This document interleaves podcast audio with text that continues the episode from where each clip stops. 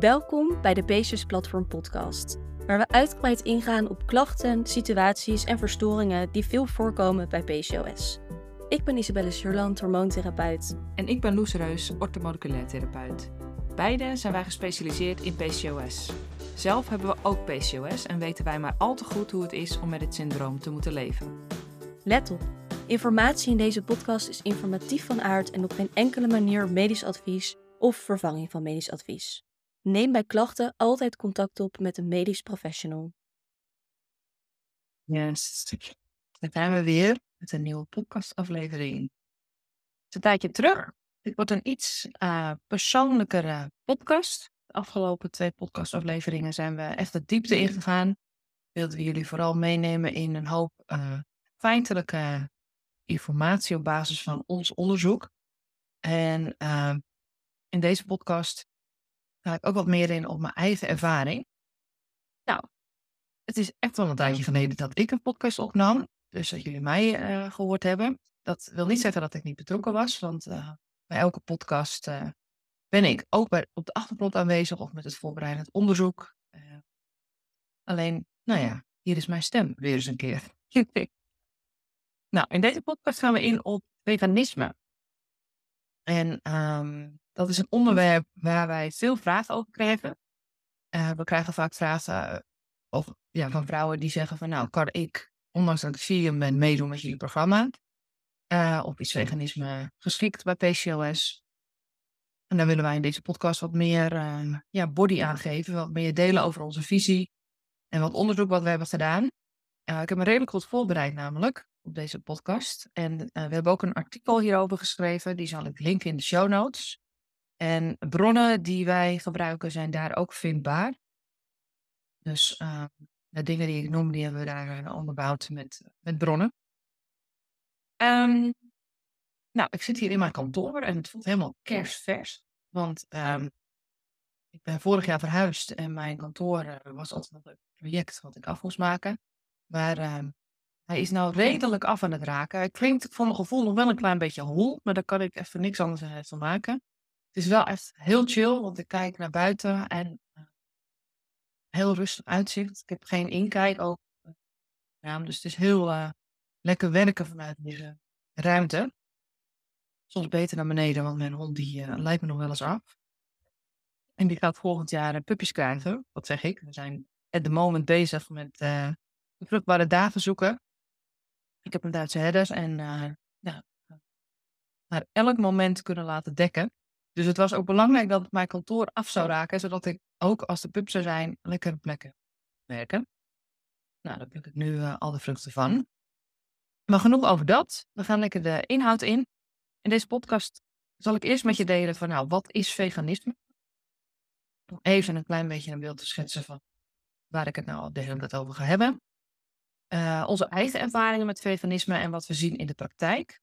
En we delen drie redenen waarom we niet achter veganisme staan en twee veelgehoorde argumenten waar wij onze twijfels over hebben. Om jou even mee te nemen van, nou ja, wat ervaren wij nu over de jaren heen en uh, zodat jij goed ja, op basis daarvan ook jouw onderzoek kan doen en kan kijken wat voor jou werkt als vrouw met PCOS. Wat is veganisme? Ik heb overigens heel veel aantekeningen gemaakt, dus soms zal ik uh, daar even net toe staan en zal ik misschien een klein beetje haperen en zo, dus uh, excuse me. Maar um, ik vind het wel belangrijk om het af en toe even te checken, zodat ik zeker weet dat ik het oversla. Nou, veganisme is um, het voedingspatroon of de leefstijl waarbij je eigenlijk voornamelijk kiest, of alleen maar kiest moet ik zeggen, voor plantaardige bronnen. Dus je gebruikt geen dierlijke bronnen. En er zijn verschillende invalshoeken. Um, sommige mensen noemen zich vegan en richten zich vooral op voedingspatronen, dus dat ze geen dierlijke bronnen in hun voedingspatroon laten terugkomen. En sommige uh, mensen die trekken breder en kiezen ervoor om ook geen dierlijke bronnen in hun ja, spullen eigenlijk, in hun producten te laten terugkomen. Dus dat ze bijvoorbeeld ook niet kiezen voor leer, uh, dergelijke. Uh, dus je kan het best wel breed trekken. En het is één van de voedingspatronen. Ik houd voor dit voorbeeld heel even op het stukje voeding. Um, die dus meer toebeweegt naar plantaardig. En in die hoek zijn ja, wat verschillende voedingspatronen bekend. Waaronder ook het vegetarisme. Dus als je vegetariër bent, dan eet je ook geen vlees en vis, maar ehm, wel zuivel en eieren. Al zijn er in het vegetarisme sowieso een aantal verschillende ja, smaken, om het zo maar te zeggen. Je hebt lacto-vegetarisme, waarbij je wel zuivelproducten eet, geen eieren. Je hebt ovo-vegetarisme, waarbij je wel eieren eet, zuivel. En je hebt nog lacto-ovo-vegetarisme, waarbij je dus wel zuivel en eieren eet. Dat is eigenlijk een beetje het gewone vegetarisme. Nou, naast het vegetarisme heb je ook het pescatarisme, waarbij je geen vlees eet, maar wel schalen, schelpdieren en vis.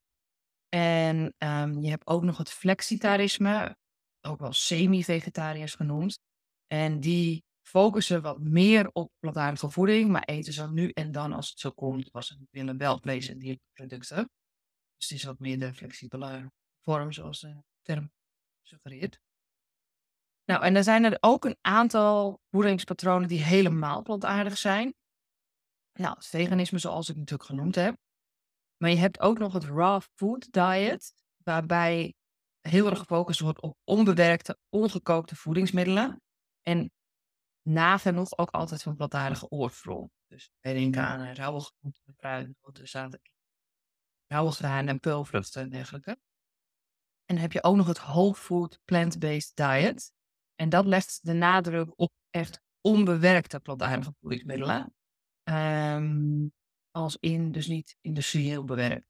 Dus veganisme kan nog wel, het ook niet per se gelijk onbewerkt te zijn. Er zijn heel veel veganistische producten die niet per se gezond zijn. Bijvoorbeeld of helemaal niet dicht bij de natuur staan, maar gewoon geen gebruik maken van dierlijke elementen en ingrediënten. Dus daar zit wel een verschil tussen. Um, ik ga iemand die uh, veganist, het veganistische voedingspatroon uh, hanteert, vegans noemen in deze podcast. Dat is ook een algemeen uh, geldende term, denk ik, tegenwoordig. En om vegan te worden zijn er natuurlijk heel veel redenen. Maar we zien in de praktijk wel dat er drie redenen een beetje voornaamste zijn. Zo kan je bijvoorbeeld vegan worden omdat je er ethische bezwaren tegen hebt om dieren te eten. Dus je, wat, je wil niet bijdragen aan het doden van dieren of bijdragen aan uh, de bio-industrie. Überhaupt hoe dat allemaal, de, hoe die ja, verwerking van dieren eigenlijk gaat. Um, het kan ook zijn dat je vegan wil worden vanwege milieuredenen en duurzaamheid. Dat is ook wel iets wat we vaak horen. Dus als iemand zorgen heeft over het milieu en over uh, ja, het klimaat, dat ze bij zichzelf denken van hé, hey, op die manier wil ik daar mijn steentje aan bijdragen. En het kan zijn dat uh, je vegan wordt vanwege gezondheidsvoordelen. Dat daar heel veel over gezegd wordt en bepaalde ziektebeelden ook wel gelinkt zijn. Een meer plantaardig voedingspatroon, dat dat dus voordelen kan brengen. En daar ga ik in deze podcast ook wat meer over uh, vertellen in het kader van PCOS. Ehm, dus dat is even het stukje nou ja, veganisme en wat voor redenen je daarvoor kan hebben. Heel even in de basis, hè, want hetzelfde geldt, geldt voor jou en andere redenen om te doen. Mijn eigen ervaring. Ik ben in 2018 om en nabij ben ik uh, steeds meer plantaardig gaan eten. 2017, 2018. Ik heb uh, alles bij elkaar, denk ik, zo'n twee jaar echt wel praktisch volledig plantaardig gegeten. Um, ja, kon mezelf denk ik ook echt wel vegan noemen. En dat deed ik voornamelijk vanuit gezondheidsredenen. Want nou ja, in die tijd was er best wel veel te doen in, dat, in die plantaardige vibe. Ik praat alsof het 40 jaar geleden is, maar uh, het is nu 5, 6, 7 jaar geleden, denk ik. Ja. En, uh, maar er was toen wel een hele opmars. Weet je, die, die havermelk en dergelijke werd, steeds hipper. En um, er was gewoon heel veel, ja, wat in ieder geval op mijn bod kwam. Over veganisme en de voordelen ervan. En um, ik raakte toen ook echt sterk betrokken in voedingsland. Ik ben in 2018 ook gestart met mijn eerste dagcursussen en deelopleidingen uh, tot orthomoleculaire therapeut. In 2019 uh, 2020 heb ik die opleiding uh, doorlopen en ook afgerond. En in die jaren, zeker 2018, 2019, was ik ja, praktisch volledig plantaardig. En uh, ik was er ook echt van overtuigd, dit is the way to go voor PCOS. Ik heb heel veel boeken gelezen over plantaardige voeding. En uh, heel veel wetenschappelijk onderzoek uh, erbij betrokken. En daarin kun je ook heel veel bewijzen vinden dat het een goed idee is voor je gezondheid.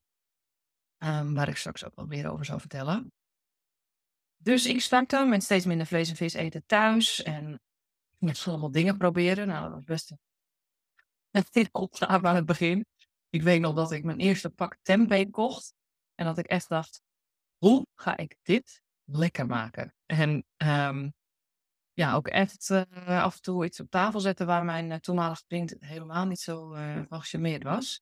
Maar goed, gaandeweg kon ik daar steeds meer mijn draai in vinden. En er waren toen al wel redelijk wat alternatieven en mogelijkheden op de markt. Maar het is vandaag de dag nog veel meer. Dus vegan zijn is nog niet eens, nou, niet echt per se heel lastig meer. Je moet alleen wel ja, bewust zijn welke voeding je wel of niet kiest.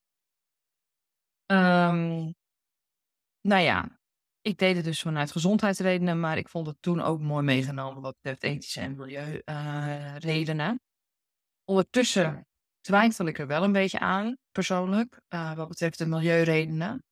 Um, maar dat is weer een heel ander topic, waar ik voor deze podcast ter voorbereiding wel heel kort eventjes mee bezig was.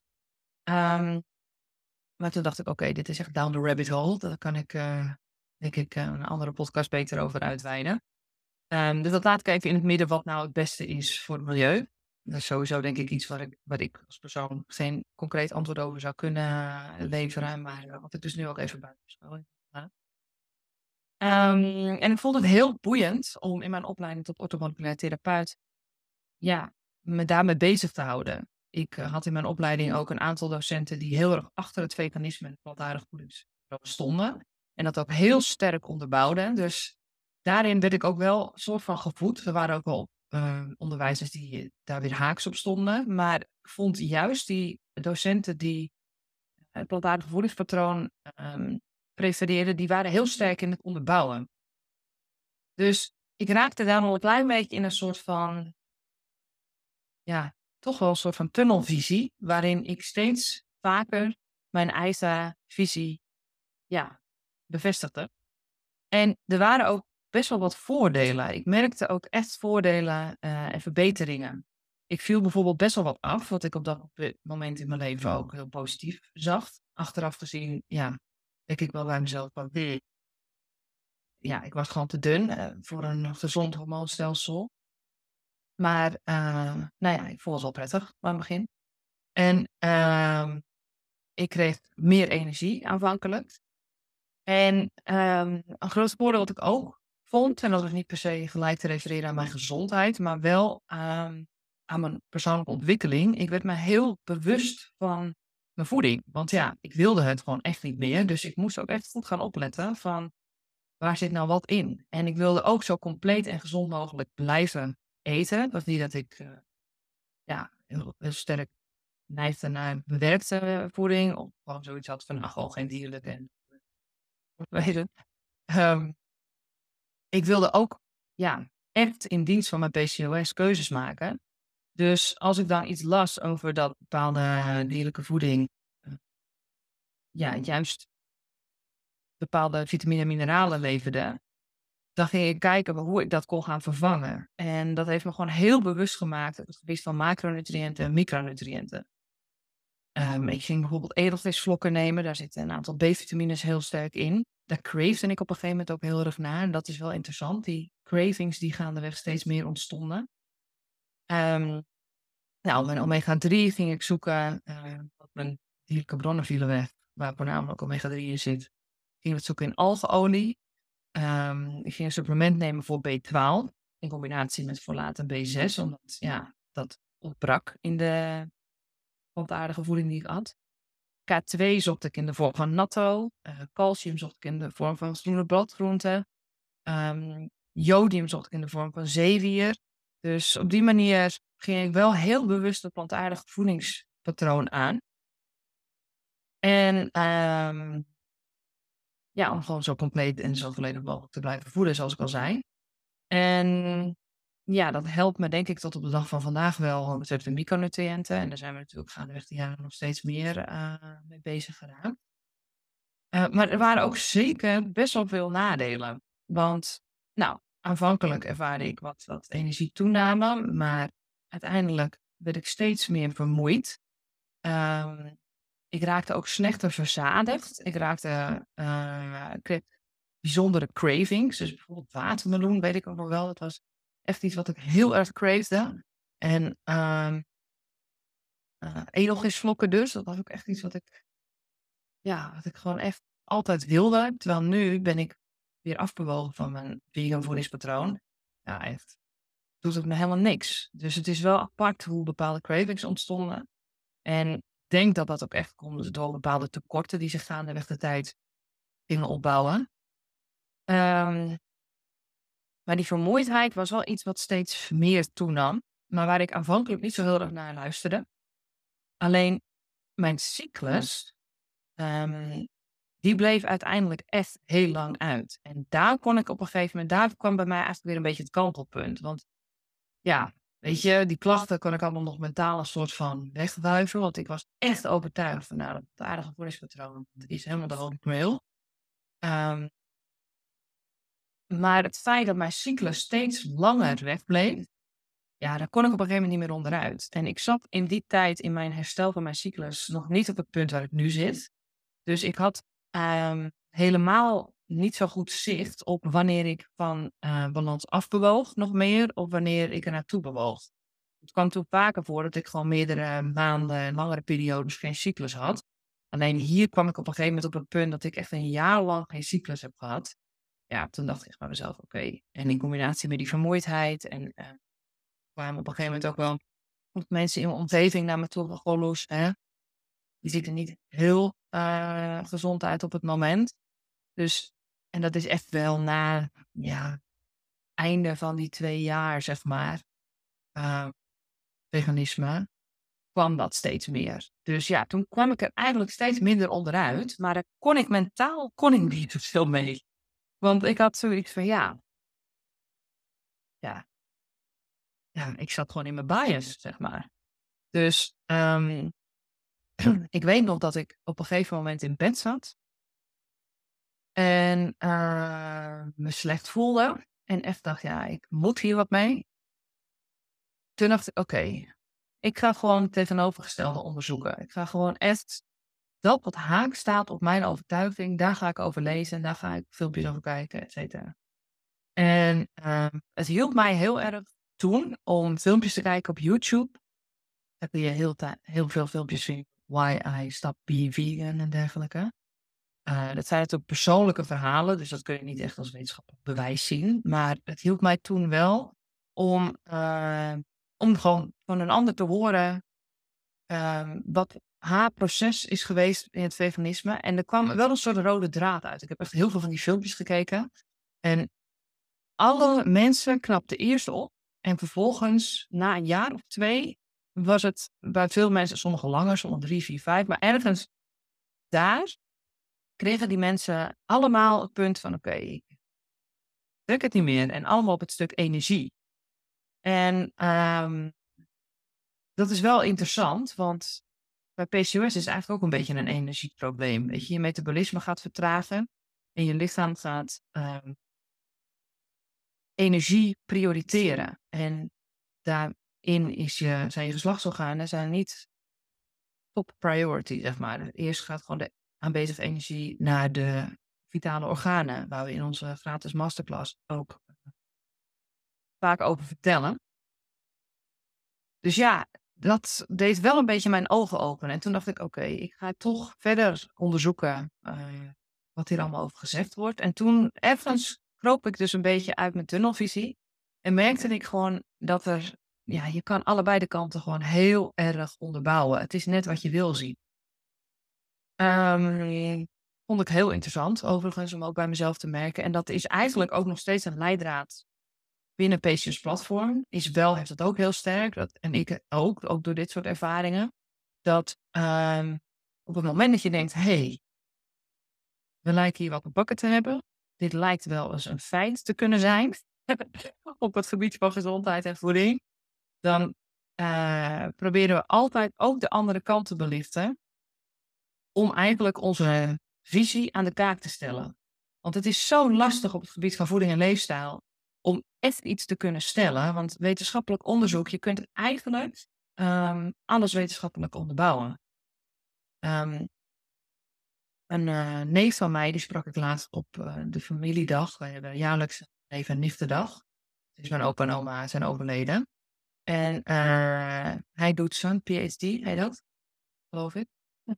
Um, ook nu vier jaar, een beetje in deze richting. En toen hadden we het ook over wetenschappelijk onderzoek. En ja, het is enerzijds heel mooi, alleen je moet heel kritisch blijven van op welke manier is het onderzoek ingestoken en um, wat zijn de resultaten en wat kunnen we met die resultaten. En vaak zien wij als wij ons gaan verdiepen in bepaalde ja, beweringen, op het gebied van voeding en leefstijl, dat het onderzoek wat daarvoor gebruikt wordt, discutabel is. Dus vaak is wetenschappelijk onderwijs, wel, wetenschappelijk onderzoek, moet je eigenlijk op de grote hoop gooien en de richting die het dan krijgt, um, waar, waar resultaten naar neigen, wil je eigenlijk ook nog onderbouwen met andere uh, bronnen, zoals ja, bijvoorbeeld de biologie en de fysiologie van het lichaam en um, ook praktijkervaringen. Nou hier delen wij heel veel over in een andere podcast. Dat is uh, de zestiende aflevering van seizoen 2, waarin we ook ingaan op uh, onze visie op het gebruiken van bronnen en wetenschap. Dus als je daar meer over wil horen, hoe we hierover denken en praten, dan raad ik je van harte aan dat te luisteren. Um, maar goed, hier in het kader van veganisme ja, was ik daar ook echt mee bezig. Um, dus nou ja, mijn cyclus bleef uit, ik werd meer moe en ik kreeg uh, die ongezondere look, zoals ik zei. Maar ik kreeg bijvoorbeeld ook andere symptomen, zoals het syndroom van Raynaud. Niet helemaal, maar ik kreeg wel echt extreme koudelijkheid. Dus ook echt mijn handen, joh, die waren instant gewoon helemaal wit. Op het moment dat ik ook maar eventjes in de kou was. Nou, dat is nu echt volledig verleden tijd. Dus nou ja, dat soort dingen merkte ik allemaal steeds meer. En toen ik uit die bubbel van het veganisme was gebroken, toen uh, kwam ik dus op het punt dat ik dacht, oké, okay, ik moet nu echt uh, dus ook daadwerkelijk in de praktijk iets anders gaan doen. En dat was best wel een opgave. Ik weet nog dat ik in de tuin zat en dat ik bij mezelf dacht: oké, weet je, ik ga gewoon van pilot met mezelf aan. Ik ga drie tot zes maanden uh, gericht, hoogwaardige, goede kwaliteit dierlijke producten eten. En ik ga kijken wat het me brengt. En op het moment dat het me niks brengt, dan ga ik gewoon weer terug naar mijn plantaardige voedingspatroon. Dus nou, zo geschieden. Ik begon met uh, dingen als leverworst en zo. Dat vond ik wel intens. Om na zo'n lange periode zonder dierlijke producten ineens dat soort producten te gaan nemen. Alleen, ik vond het ook wel heel lekker, overigens. Ja, ik heb het ook nooit vies gevonden en zo. Dus ik was ook wel weer blij met bepaalde smaken die terugkwamen. Maar het was wel even een mentale stretch. En ik moest ook heel erg opletten, want als ik eventjes weer op de automatische piloot ging draaien, dan zat ik zomaar ineens weer aan een veganistische tijd. Ik dacht, oh ja, hier zit geen dierlijke bron in. Um, dus dat duurde wel eventjes. Maar ja, de resultaten waren zo snel zichtbaar. Ik kreeg zoveel sneller, zeg maar, weer energie terug. En uh, na een paar maanden kreeg ik ook weer mijn cyclus terug. Dus ja, ik kon mezelf gewoon daarin ja, um, niet meer voor de gek houden eigenlijk. Ik dacht bij mezelf, oké, zoals ik het deed, was in ieder geval niet wat me diende. Um, dus nou ja, toen zijn we verder die kant op gegaan. En de vrouwen die in de Patient Balance zitten, of die bij ons persoonlijke begeleiding uh, krijgen, of die ons gewoon volgen op Instagram, die um, zullen ook wel merken dat wij uh, regelmatig dierlijke bronnen eten, maar wel heel bewust. En ook niet per se hoge hoeveelheden vlees en zo, maar we zijn wel echt van breed scala aan dierlijke producten. Dus um, ja, dat heeft, het heeft bij mij nooit geleid naar uh, teruggaan naar veganisme. En Isabel, overigens, die heeft ook een aantal jaren gehad waarin ze steeds meer naar plantaardige voeding uh, neigde. En toen wij begonnen met samenwerken in 2020 was ze ook nog echt wel op die tour. En is daar ook vanaf bewogen en heeft daar ook ja, soortgelijke voordelen aan ervaren. Dus ja, wij zijn er voor ons persoonlijk wel echt achter dat dat is als ons dienst. En dat wil ik ook graag een beetje bebouwen straks. Wat betreft de redenen waarom wij niet achter veganisme staan bij PCOS. Nou, in het artikel waar ik dus naar link, zijn ook nog een aantal uh, ja, uh, onderzoeken die ik verder uitlicht. Met linkjes erbij. Dus dat is wel interessant om er ook nog even naar te kijken.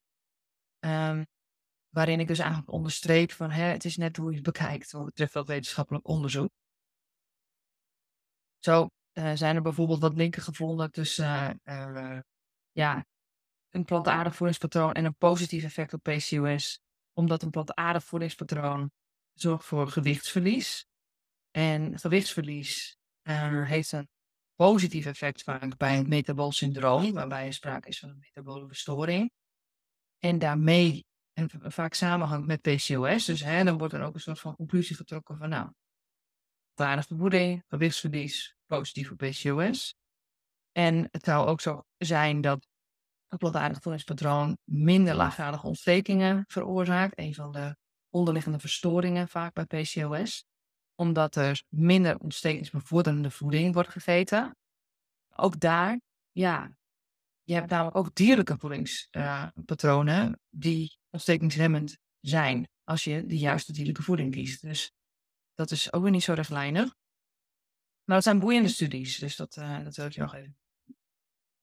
Um, ik kijk nu even in mijn aantekeningen.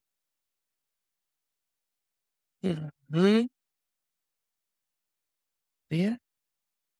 Natuurlijk zijn er in de praktijk ook um, vrouwen die het heel goed doen op een plantaardig voedingspatroon. Dus het is helemaal niet zo dat het voor niemand geschikt is. Dat maakt het soms ook een beetje zo grijs, zeg maar, dat het zo'n grijs gebied is. Maar het ligt hierbij, denken wij, onder andere aan je persoonlijke venen, je gezondheidsblauwdruk. En alle factoren die inspelen op jouw gezondheid. Weet je, hoeveel beweeg je, hoeveel rust heb je, hoeveel slaap heb je, wat zijn je stresslevels. Het zijn allemaal elementen die wij ook in onze aanpak meenemen. Het is natuurlijk niet alleen maar voeding. Dus als je op de rest heel goed scoort, zou je met een minder optimaal voedingspatroon even goed uh, naar balans toe kunnen bewegen. Wij zien Esther in de praktijk wel dat, dat dat best wel een uitdaging is. Omdat dingen als bijvoorbeeld laagste werkdruk en uh, weinig stressbelasting, dat dat best wel lastig is hier in de westerse wereld. Dus dat wij persoonlijk er liever voor kiezen om de dingen, praktische elementen zoals bepaalde voedingskeuzes maken, dat we dat optimaliseren. Um, om meer gewicht van de goede kant van de weegschaal te leggen. En ik ging in mijn onderzoek ook nog eventjes uh, kijken naar stammen die heel oud worden. Kijken wat die eten. En dan vind ik dat ook weer een beetje discutabel, want hè, dat zijn vaak een beetje geïsoleerdere stammen, waarbij die nog heel dicht op de natuur leven. Dus er zijn ook weer heel veel factoren van invloed op hun gezondheid. Maar um, het is wel opvallend dat sommige stammen die eten volledig vegan. Uh, zoals de Hunza's. Nou, die had ik nog even, die kende ik nog niet van mijn onderzoek. Um, maar een aantal eten die volledig gericht op vlees, zoals de Batwa en de uh, Maasai, die nemen alleen maar vlees en uh, bloed en melk. Dus dat is volledig dierlijk. Um, en dan heb je ook nog weer de Tsimane, die weer veel meer richting plantaardig staan. Met een klein beetje wild en een klein beetje vis. Dus daarin gaat het in ieder geval alle kanten op. En dat zijn allemaal stammen die echt ja, heel hoog scoren op het gebied van hart- en vaatgezondheid. Eh, lang leven en dergelijke. Dus ja, daar kon ik in ieder geval een verdere conclusie uit trekken. Maar het is niet zo dat al deze stammen allemaal dus bijvoorbeeld vegan zijn of allemaal vlees eten. Um, ja, en tot slot, voordat ik naar de redenen ga. Laatst zag ik een filmpje, ik volg zo'n account. Dat vind ik echt een super mooi account op Instagram. Uh, dat heet Vrije Geboorte. Um, En daarin werd op een gegeven moment een filmpje gedeeld over placenta van een uh, persoon die geen vlees at en placenta van een persoon die uh, volledig dierlijk at. En dat was zo'n groot verschil. De placenta van de vrouw die wel dierlijk at, die was goed doorbloed en echt soepel en rijk, zeg maar. En de placenta van de meer plantaardige uh, vrouw, om het zo maar te zeggen, die was veel meer uh, verkalkt en veel meer uitgeput. En ook hier, hè, het is een, eh, dat is een beetje een case study, dus daar kun je geen verdere conclusies aan trekken, want het zou genetisch kunnen zijn of wat dan ook. Maar toch vond ik dat wel weer dat ik denk, ja. En ook hier, ja, moeten we opletten dat we niet in een bias komen omtrent alleen maar uh, bevestiging voor uh, een dierlijk voedingspatroon. Maar ja, ik vond het wel bijzonder om te zien. Dus het is sowieso leuk, uh, vind ik persoonlijk, om ook dat account te volgen. Vrije geboorte heet die.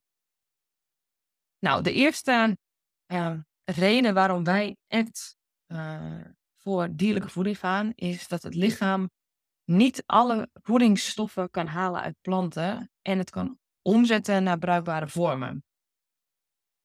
Sowieso, toen ik vegan was, toen moest ik daar ook heel erg op letten van hè, hoe ga ik het toch zo compleet mogelijk houden. En we lezen vaak in artikelen en dergelijke die pro-plantaardig zijn, dat bepaalde voedingsstoffen die daarin veel worden vertegenwoordigd, dat dat heel erg wordt ja, genoemd van hè, plantaardige voeding bevat veel magnesium, bevat veel vitamine C, bevat veel vezels. En ja, dat klopt. Het bevat ook veel voordelen. Wij zijn ook helemaal niet tegen plantaardige voeding op zich. Alleen uh, het gaat er bij PCOS wel om dat alle voedingsstoffen voldoende worden gerealiseerd. En uh, ja, daarin zijn toch wel een aantal gaten gewoon echt aantoonbaar. Zo heb je bijvoorbeeld beta-carotene, dat is een voorloperstof van vitamine A. En dat wordt heel veel gevonden in planten. En dat moet worden omgezet naar de actieve vorm van vitamine A, retinol, om ook zijn functie uit te kunnen oefenen. En dat gebeurt, dat kan het lichaam. Alleen het is niet heel efficiënt. Ik weet de exacte getallen niet, maar dat kun je zo uh, zoeken van omzetting beta-carotene naar retinol. Maar het is uh, in ieder geval niet heel e-, efficiënt. En het wisselt ook nog eens per persoon hoe efficiënt dat überhaupt is. En um, dat kan in de praktijk leiden naar een tekort aan retinol. En dat is een essentiële stof om vruchtbaarheid te optimaliseren. Dus, nou ja, dat is het eerste. Verder heb je ook omega-3. En in de plantaardige bronnen vind je omega-3 vooral in de vorm van ALA. En dat kan worden omgezet naar DHA en EPA. Dat zijn de twee vormen die je vindt in dierlijke voeding. Um, maar DHA en EPA vind je niet in plantaardige voeding, maar heb je wel echt nodig. En ook hier is die omzetting is lastig. Plus omega-3 in plantaardige voeding is überhaupt schaars. Nou, bij ijzer is het zo dat aardig ijzer, dat is non-heemijzer, dat wordt minder efficiënt geabsorbeerd dan dierlijk ijzer, dat is heemijzer. Bij zink geldt hetzelfde, dat wordt ook minder efficiënt opgenomen dan uit dierlijke producten. En bijvoorbeeld choline, dat is uit mijn hoofd B4. Um, dat wordt voornamelijk gevonden in ei en in vlees. En dat is heel belangrijk voor bijvoorbeeld het voorkomen van een open ruggetje. Dus um, ja, weet je, dan denken we wel zelf, hoe gaan we dat dan uh, rechtbreien? Als we weten dat dit allemaal zo'n belangrijke rol speelt. Want ook zink hangt heel sterk samen met vruchtbaarheid en alles wat ik benoemd heb. Um, en wij kiezen er dan toch liever voor om eh, voor biologisch beschikbare vormen te kiezen. En dan kom je uit op dierlijk. Nou, sowieso, uh, naast wat ik zojuist genoemd heb, is algemeen wel bekend dat B12 onvoldoende aanwezig is in aardige voeding. Dat vind ik eigenlijk ook. Als je erover nadenkt, een beetje een zeker gewaarwording van oké, B12 is heel belangrijk um, voor je gezondheid, maar het zit dus niet in plantaardige voeding. Is het dan wel de bedoeling om plantaardig te eten? En nou zijn er ook bronnen uh, die zeggen dat het van nature, vanuit bacteriën, uit de grond zeg maar, um, ja, naar binnen zou komen. Maar ja, dat is op dit moment uh, minimaal. En het is wel een interessante B12, want B12 kun je een vrij lange voorraad van in je lichaam hebben. Dus misschien is dit ook wel het punt wanneer mensen problemen krijgen op het gebied van, van hun gezondheid. Want als je start met plantaardig, heb je nog niet gelijk een tekort aan B12. Die ga je gewoon op je voorraad teren. Maar na een jaar, anderhalf, twee, et cetera, zou die voorraad op kunnen raken. En B12 is heel belangrijk voor uh, ja, ontgifting, voor je methylering. En uh, wil je echt niet tekort hebben, is heel belangrijk voor je energie. Dus uh, ja. En dan zien we verder ook nog dat bij PCOS er ook vaak bepaalde genetische afwijkingen zijn die uh, nog belangrijker maken om bepaalde B-vitamines voldoende binnen te krijgen. Waaronder B12, folaat, B6 en B2. En die afwijkingen, dat heet CONT en MTHFR. Dat zijn bepaalde ja, genen waar je dus verschillende vormen in kan hebben. En de optimale vorm zorgt er gewoon voor dat alles lekker snel werkt. En bij PCOS zien we vaker dat er suboptimale vormen zijn, waardoor het allemaal wat stroever verloopt en je lichaam meer behoefte heeft aan die B-vitamine, je net. En dat er anders ja, een beetje haperingen ontstaan in het omzetten van stoffen. Um, Isabel en ik hebben ook genetisch onderzoek laten doen. We werken samen met een lab waarbij dat kan. En uh, Isabel heeft bijvoorbeeld het komt uh, enzymafwijking, ik niet. En we hebben allebei de MTHFR-afwijking. Dus nou ja, het is wel iets wat we vaker zien in de praktijk ook. En dan heb je ook nog, dat je op het moment dat je plantaardige voeding neemt en je gaat het met supplementen allemaal aanvullen, wat ik nu opnoem, ja, dan kom je een beetje op het punt van synergie. Weet je, stoffen zijn niet op zichzelf staand. Alles werkt met elkaar samen. En in dierlijke voeding, en daar staan wij overigens binnen PCS Platform heel erg voor, om het zo ja, puur mogelijk binnen te krijgen, zodat die synergie zijn kracht behoudt. Um, en op het moment dat je voor losse supplementen of losse stoppen gaat kiezen, dan neem je dat los uh, op. En dan is de kracht, zeg maar, van de samenwerking van die stoffen is een stuk minder. Vind je gewoon in, uh, in voeding veel meer. Dus je wil zoveel mogelijk toebewegen naar de natuurlijke bronnen. Nou, een tweede reden waarom wij voorkeur hebben voor dierlijke voeding, is omdat dierlijke voeding je voorziet in genoeg eiwit en een zo volledig mogelijk aminozuurprofiel.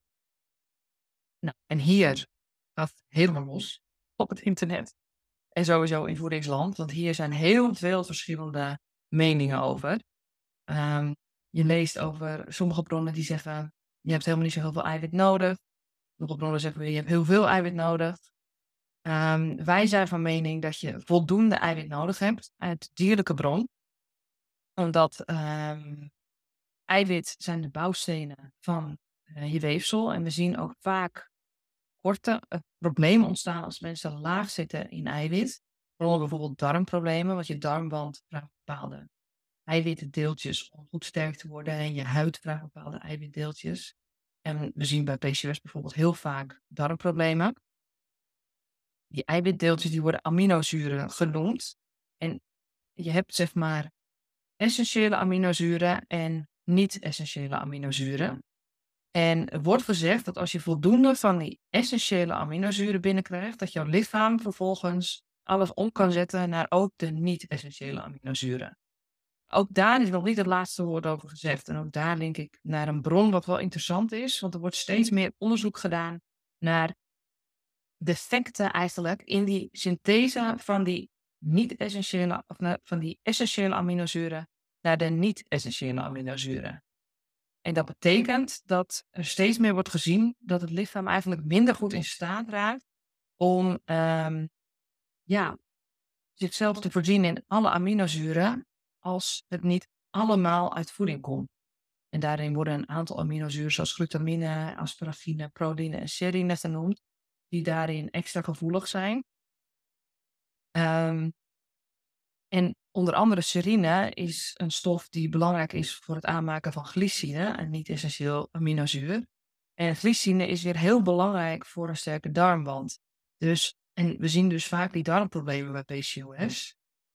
Um, ehm, wat weer een link heeft met laagvaardige ontstekingen. Dus ja, dan denken wij van, nee, als je daar dus te weinig van binnen krijgt, dan kan het zomaar zo zijn dat je eigenlijk je lichaam wat moeilijker maakt. Dus ook hier kiezen wij er toch graag voor om in ieder geval genoeg eiwit binnen te krijgen. En uh, alle aminozuren die het lichaam nodig heeft ook voldoende in voeding op te zoeken. Zodat je niet jouw lichaam, net als die voedingsstoffen die ik net noemde bij de eerste reden, ehm, elke keer vraagt om die omzettingen met het risico dat je lichaam daar onvoldoende toe in staat is. Nou, dan hebben we nog de derde reden. En dat is dat planten bevatten heel veel antinutriënten. En die zijn vaak onvoldoende verteerbaar, waardoor voedingsstoffen opneembaar zijn. Um, hier gaan we in ons uh, online programma de Peces Balansformule ook in. En um, met antinutriënten doelen we eigenlijk op de stofjes die planten met zich meedragen om zichzelf te beschermen. Want een plant die wil eigenlijk zo heel mogelijk door het spijsverteringskanaal heen, zou je kunnen zeggen. Omdat, nou ja, bijvoorbeeld een pit die volledig door het spijsverteringskanaal gaat, heeft daar baat bij, omdat um, het dan op een andere plek kan ontspruiten, als het ware, kan ontkiemen. En um, dat is namelijk het doel van die bit, dat die ergens anders kan gaan groeien. Dus nou, zonder dat ik helemaal ga uitweiden over die antinutriënten. Um, die antinutriënten die zijn triggerend voor de darmwand. En um, op het moment dat je dus plantaardige voeding gaat prefereren, dan wil je er genoeg binnenkrijgen om de voedingsstoffen te kunnen krijgen. Alleen die antinutriënten zorgen ervoor dat die uh, granen, bonen, zaden en pitten, want dat zijn de voornaamste bronnen waar veel antinutriënten in zitten, dat die um, beschermd worden en dat die enerzijds de darmen kunnen triggeren en anderzijds onvoldoende afgebroken raken, waardoor de voedingsstoffen in het product blijven en niet in je systeem komen. Dus ja, dat um, kan ertoe leiden dat je dus of darmklachten kan krijgen, of dat er dus termijn te weinig voedingsstoffen binnenkomen en je dus ja, een soort van ondervoed zou kunnen raken. Zware naam te geven. Maar we zien wel vaak dat er dus ja, onbewust bepaalde tekorten zijn, waardoor het lichaam dus onvoldoende in balans kan komen.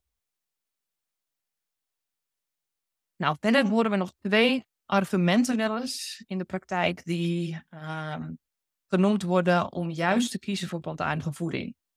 En daarin wordt bijvoorbeeld genoemd van nou, dierlijke voeding is ontstekingsbevorderend. Ik noemde het eerder al een beetje van, uh, er wordt er gezegd van bijvoorbeeld rood vlees en uh, bepaalde dierlijke voeding wordt geassocieerd met uh, ontstekingen en ontstekings, uh, ontstekingen in het lichaam. En um, daarin hebben wij een beetje onze twijfels, omdat wij ook zien als we daar het onderzoek bij halen dat uh, er bijvoorbeeld onderzoek wordt gedaan met betrekking tot lage kwaliteit dierlijke voeding of bewerkte dierlijke voeding. En uh, ja, dat er niet gekeken wordt naar alle elementen die ontstekingsbevorderend zijn en alle elementen die ontstekingsremmend zijn. Zo zijn er ook dierlijke elementen ontstekingsremmend en bepaalde aminozuren uh, juist ontstekingsremmend. Dus het is ook hierin het hele plaatje waarin uh, ja, wij een beetje twijfels hebben of dat correct is. Um, want ja, wat, ja, alle elementen wil je er gewoon bij halen. Van hoeveel vlees eet je? Wat doe je nog meer? Uh, neem je genoeg uh, omega 3? Neem je niet daarnaast heel veel bronnen van omega 6? Um, wat voor vorm van zuivel neem je? Nou, dat draagt allemaal bij aan uh, of het geheel ontstekingsremmend of ontstekingsvorderend is.